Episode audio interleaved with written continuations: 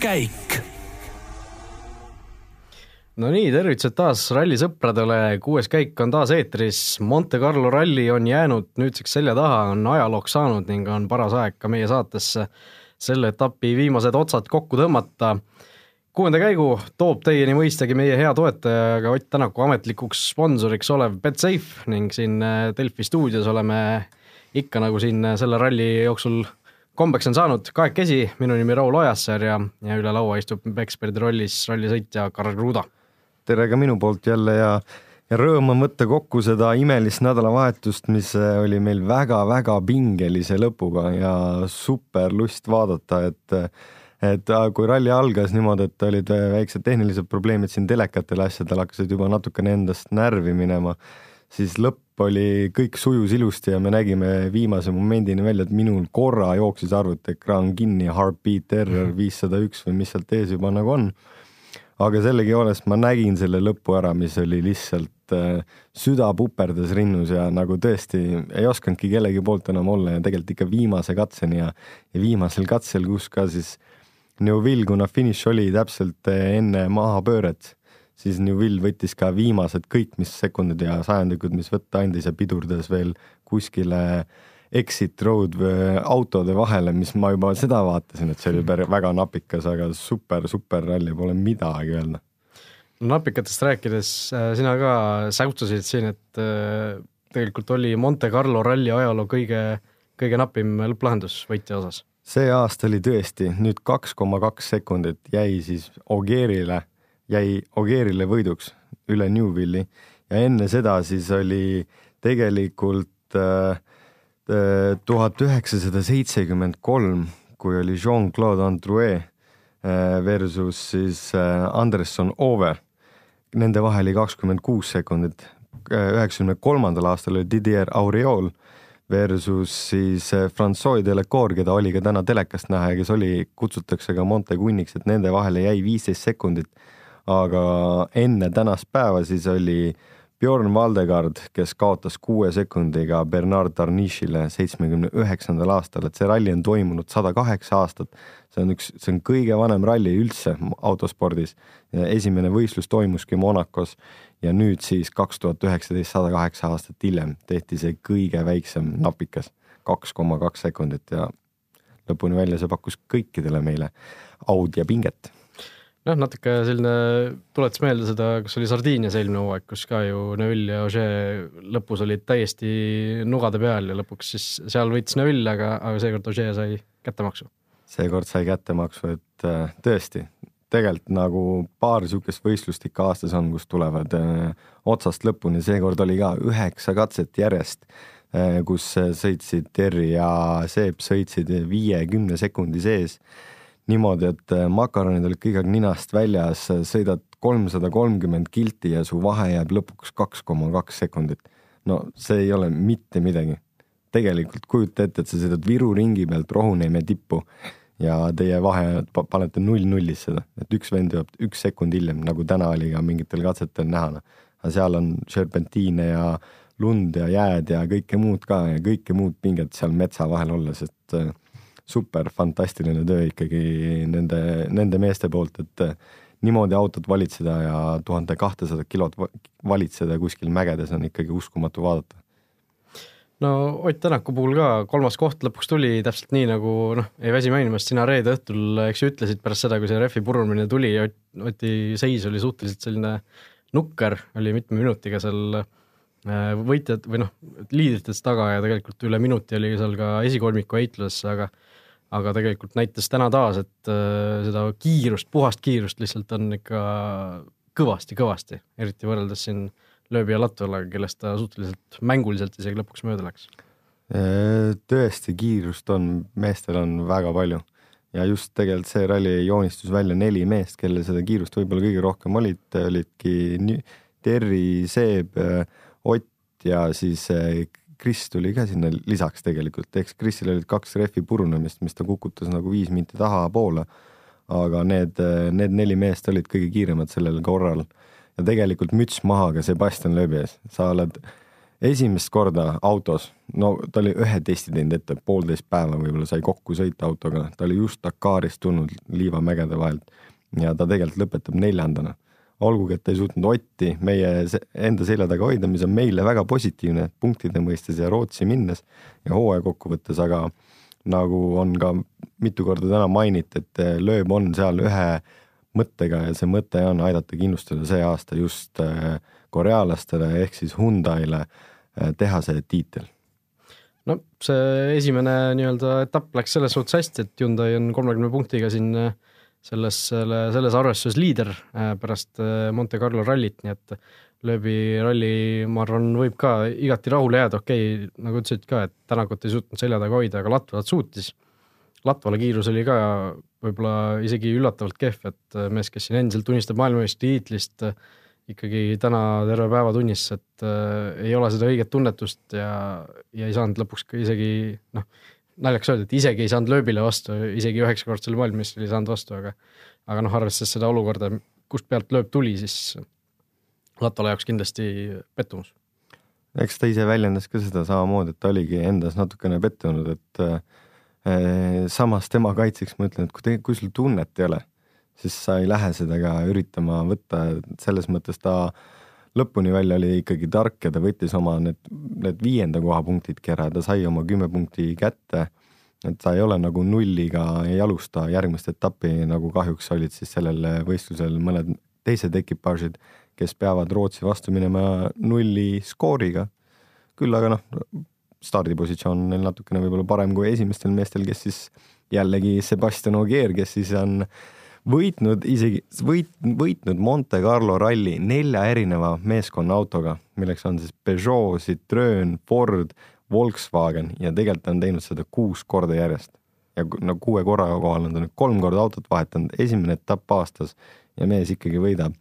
tema kurvastuseks, mida varsti on siit jälle siis kuulda, et äh, Rootsi minnes on see, et ta peab hakkama teed puhastama.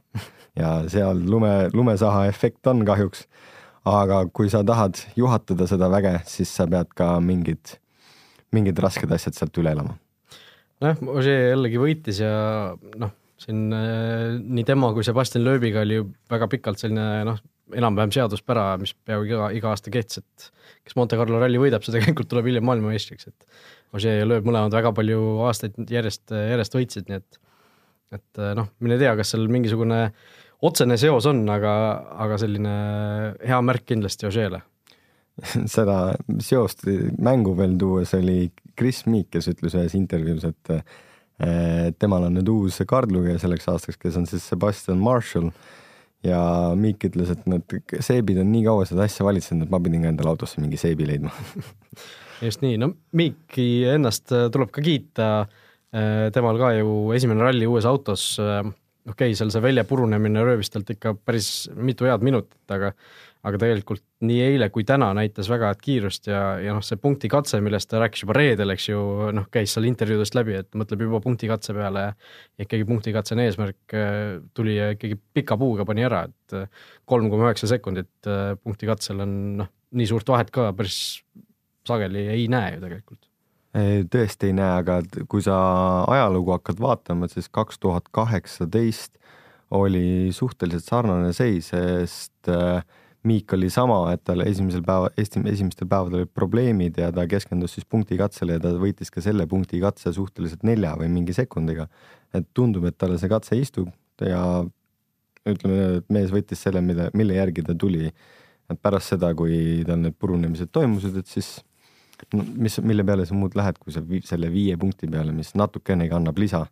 ja punkti tabelit vaadates see tegelikult teda aitas kindlasti.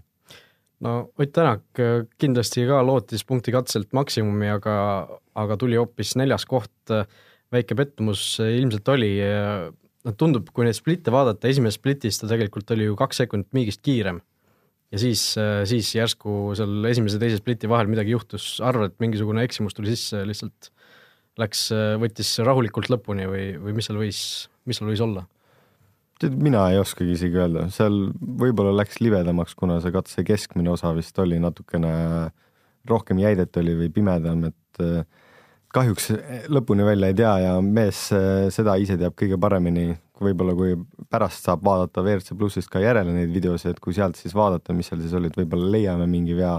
teistpidi Ott ise ütles tublisti lõpus, et, et ta sai väga head punktid, ta, tal on väga hea stardipositsioon selleks kohaks, olgugi et ta sealt katselt viite maksimumi saanud, aga ta ikkagi noppis endale mõned punktid. et ta kõikidest asjadest, mida talle see nädalavahetus pakuti, et ta kõikidest midagi ikkagi nagu võttis endale külje alla, kogus ja läheb ikkagi sellele ka pikale mängule, olgugi et Ogier on võib-olla natuke eest ära läinud, aga Rootsi peaks selle jälle tagasi ühtlustama. Ott on seda veel näidanud ka, et nii Rootsis kui ka Soomes, et kolmandalt kohalt või sealt tulles mees suudab sõita seal ees väga-väga super aegu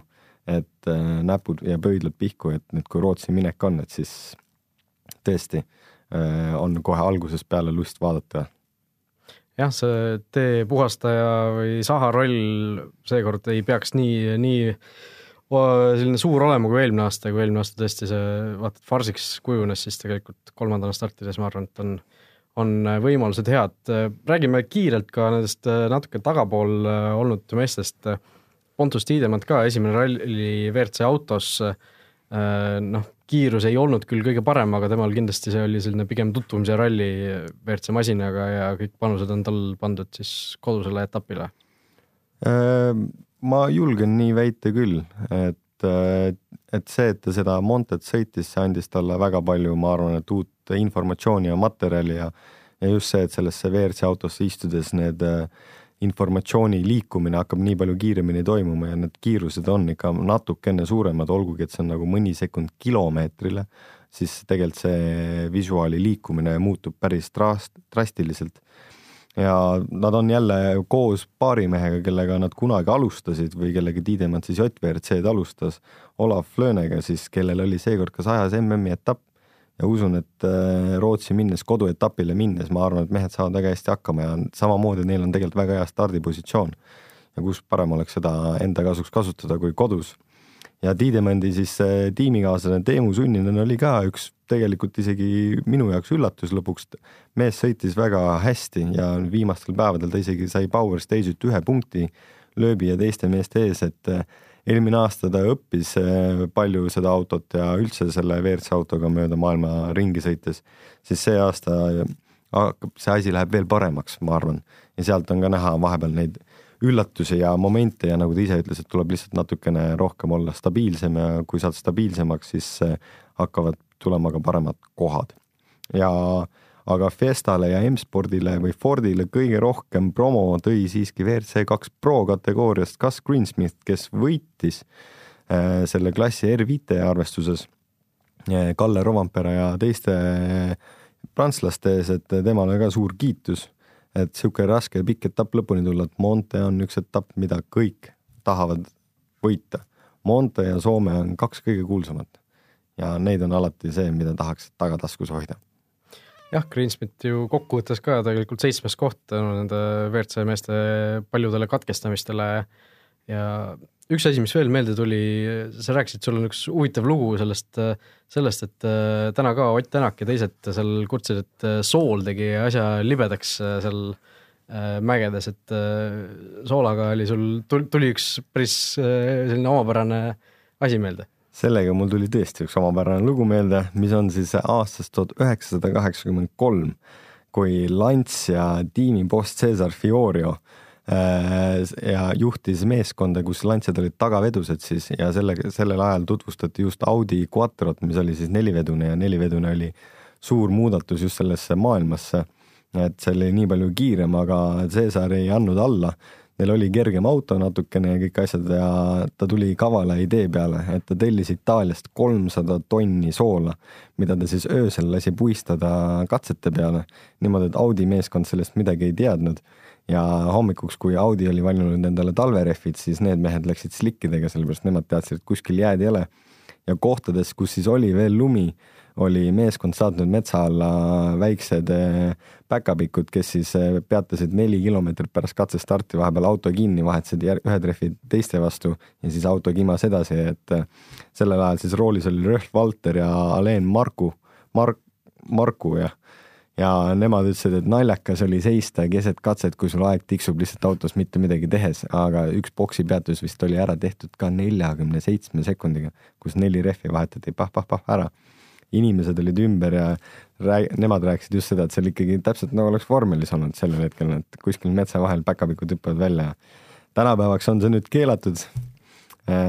oma rehvivahetused sa pead ise tegema, kui sa oled servisest väljas ja kui sa oled servises, siis õnneks on sul abimehed olemas jah, olid ajad. aga äh, pange nüüd hästi tähele, meie saate esimene kuulajamäng äh, tuleb siit äh, tänu Betsafe'ile. Betsafe'is Ott Tänaku ametliku sponsorina neil on võimalik siis küsida Oti käest otse, mida, mida Tänak siis möödunud rallist Monte Carlost arvab. aga Betsafe otsustas siis selle võimaluse anda meie saate kuuenda käigu kuulajatele ja niisiis äh, saatke meile küsimusi, huvitavaid, põnevaid, ägedaid, omapäraseid, mida võiks siis Ott Tänakult selle Monte Carlo ralli kohta küsida, saatke see, saatke need aadressil kuueskaik at delfi punkt ee. Ja kuulajate küsimuste seast valitakse siis välja üks, äh, üks parim ja see siis Oti käest lõpuks ära küsitakse ja Ott sellele ka vastab ja, ja vastus postitatakse siis Betsafe'i Facebooki lehele järgmise nädala jooksul, nii et hoidke silma peal ja tasub kindlasti neid või seda postitust oodata, sest sellele inimesele, kelle küsimus siis lõpuks välja valitakse, antakse siis Betsafe'i poolt ka üks äh, kinkekott äh, igasuguse hea ja paremaga, nii et äh, tasub, tasub kindlasti natukene ajusid ragistada, ehk ma usun küll, et mida omapärasem küsimus või mida, mida huvitavam, mida naljakam, seda, seda parem tõenäosus see, see on, et, et see küsimus siis valituks osutub aga küsimusi on, äh, küsimuste rubriik on ka meil siin saates uh., taas on kuulajad siis äh, küsimusi saatnud Karlile ja ja kui ühes saates siin rääkisime sellest, et mis saab siis, kui kaardilugejal tekib aevastus sõidu ajal, siis nüüd on sellest nii-öelda natukene edasi arendatud mm. küsimus, et võib-olla mis, mis võib natuke reaalsem olla, et kui kaardilugeja noh, terve nädalavahetuse peab ju rääkima, peab äh, väga selge häälega rääkima, siis äh, kas vahel juhtub ka nii, et äh, kaardilugejal läheb hääl ära mingi hetk, et äh, mis siis tehakse, kas on mingisugused eri, eritabletid, eri, eri mingisugused ettevaatusabinõud selle, selle vastu? kui sõitjad on üks liik inimesi, siis kaardilugejad on täiesti teine liik inimesi äh,. ikka tuleb vahepeal ette, et oled natukene tõbine või hääl hakkab ära kaduma ja kõige rohkem esineb see seda siis, kui sul on äh, just selle nii-öelda sidevahendiga probleemid autos sees. et siis, kui kaardilugeja võib-olla peab karjuma hakkama või kõvemini rääkima ja tegelikult need autod lärmavad ikka päris palju. et äh, nendel läheb ka vahepeal hääl ära, aga miks ma ütlengi, et nad on nagu täiesti teistmoodi liik veel ja nagu superinimesed, kes üldse seda tööd aitavad sõitjatel teha on sellepärast, et eh, isegi kui neil hääl on ära, siis nad kuskilt leiavad oma viimase piiksu üles ja loevad sulle kõik asjad ilusti ja suurepäraselt ette, et et nende tööd ei tasu mitte kunagi alahinnata, sellepärast et nad teevad täpselt sama palju tööd ja nad teevad seda tagataustal võib-olla, aga nende, nende töö on isegi vahepeal pikem ja nendel on isegi veel vähem und kui sõitjatel. just nii, järgmine küsimus mis koha peal äh, on autol see mingisugune ajavõtumõõdik, kuidas see üldse välja näeb, kas see on mingisugune kiip kuskil, äh, on see, on see auto ees, auto taga, kuskil keskel, kuidas see, väga hea, väga hea küsimus, tegelikult autol on peal ainult GPS, mis siis on antenniga katusel, kus siis äh, saavad nii-öelda juhtimiskeskus saab informatsiooni, et kas autol on kõik korras, kas tal on liikumiskiirus ja tegelikult on autos sees ka nupud siis, mis annavad märku äh, et kui sa peatud, sa pead nuppu vajutama, et sul on kõik okei okay, ja kui sa liigud, siis sa vajutad uuesti nuppu ja, ja siis sellel juhul, kui on mingi halb asi juhtunud, siis sul on nagu saad kutsuda kiiremini abi, et seal on ka SOS nupp. autodel endal ühtegi muud nii-öelda splittide või seda mõõdikut ei ole, et tegelikult on katsestardis on äh, kiir, et kui sa, see kiir, kui sa enne oma aja aeglaselt läbi lähed, siis ta lihtsalt on vale start ja see kiir on ka katse lõpus, et äh, iga kord see kiir mõõdab täpselt, kui keegi sealt läbi läheb, et äh, kui ka kunagi võistlusi vaatama lähete, siis sealt tuleb kõige tähelepanelikum olla, et just kellest kiirest läbi ei kõnniks, sest see võib anda siis vale aja ja sellest hetkest tulevadki siis, sealt tuleneb ka põhjus, miks on kaardilugejadel kell käe peal, sest äh, oma kellaga nad saavad alati kontrollida aega ja nad võtavad ka sajandiku pealt vot nii, hea teada ja. kiip on siis kaardilugeja kiip on kaardilugeja, jah Äh, Kaspar küsib äh, äh, ka ühe teema kohta, mida me natuke siin juba ühes saates puudutasime. see Jari Huttunen ja Hyundai teema, eks ju, et kes ei tea, siis Huttunen sinu, sinu enda Karl Kruda ees siis sai sinna Hyundai noorteprogrammi, aga aga lasti siis selle Monte Carlo ajal tuli teada, et lasti lahti. et küsitakse siis seda, et mis sa arvad, kus sina oleks olnud, kui, kui hoopis sina oleks seal Huttuneni asemel olnud, et et mis sa arvad, mis, mis sinu karjäärist nii-öelda saanud oleks selleks praeguseks hetkeks? tead, ei oskagi isegi spekuleerida, ma, ma arvan, et ma oleks eelmine aasta võib-olla paremini hakkama saanud, aga sellepärast, et mul oli ja on natukene rohkem kogemust, sellegipoolest Huttunen tegi äh, oma tööd ja ta tegi seda vahel hästi eks ikka tulevad no madalmomente ka ja see kool ikkagi mingil määral tuleb läbi käia, et eh, päris mitmel sõitjal ikkagi, isegi praegustel valitseval maailmameistril siin juhul või siis Newvillil või Otil, et ükstapuha, keda sa seal võtad, et kõik on mingisuguseid vigu teinud, millest sa ikka ise pead nagu õppima. Eh, selle peale ma arvan, et talle anti vähe aega, et tal on kindlasti potentsiaali. aga ma, ma usun, et eh, ma ikka, noh, ma ennast nägin korra ikka WRC roolis ja seda ma ka seal välja ütlesin neile, et ega ma aasta-kaks võiksin seda teha, aga ma tahaks kindlasti Versuga sõita, et ma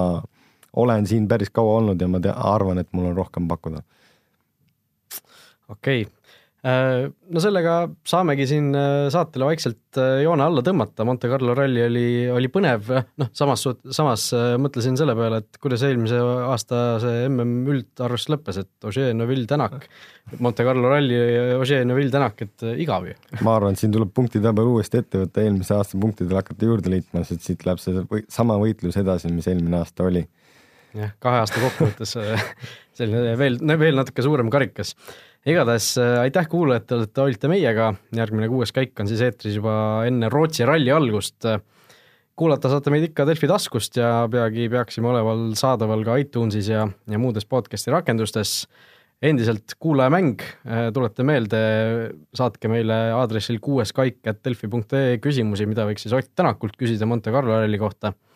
Ja, ja muidugi mõista, kui teil on meile küsimusi, siis võite ka sinnasama sellesama aadressi peale siis äh, neid saata ja üritame neile jõudumööda siis siin saates vastused anda. nii et aitäh, et olite meiega siin äh, pikal ralli nädalavahetusel ja kohtume taas.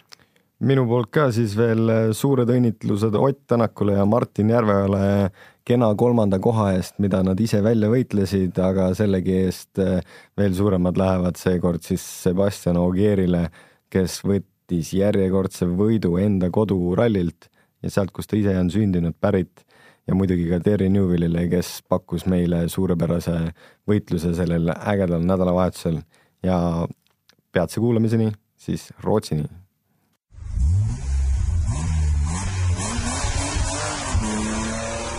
kuues käik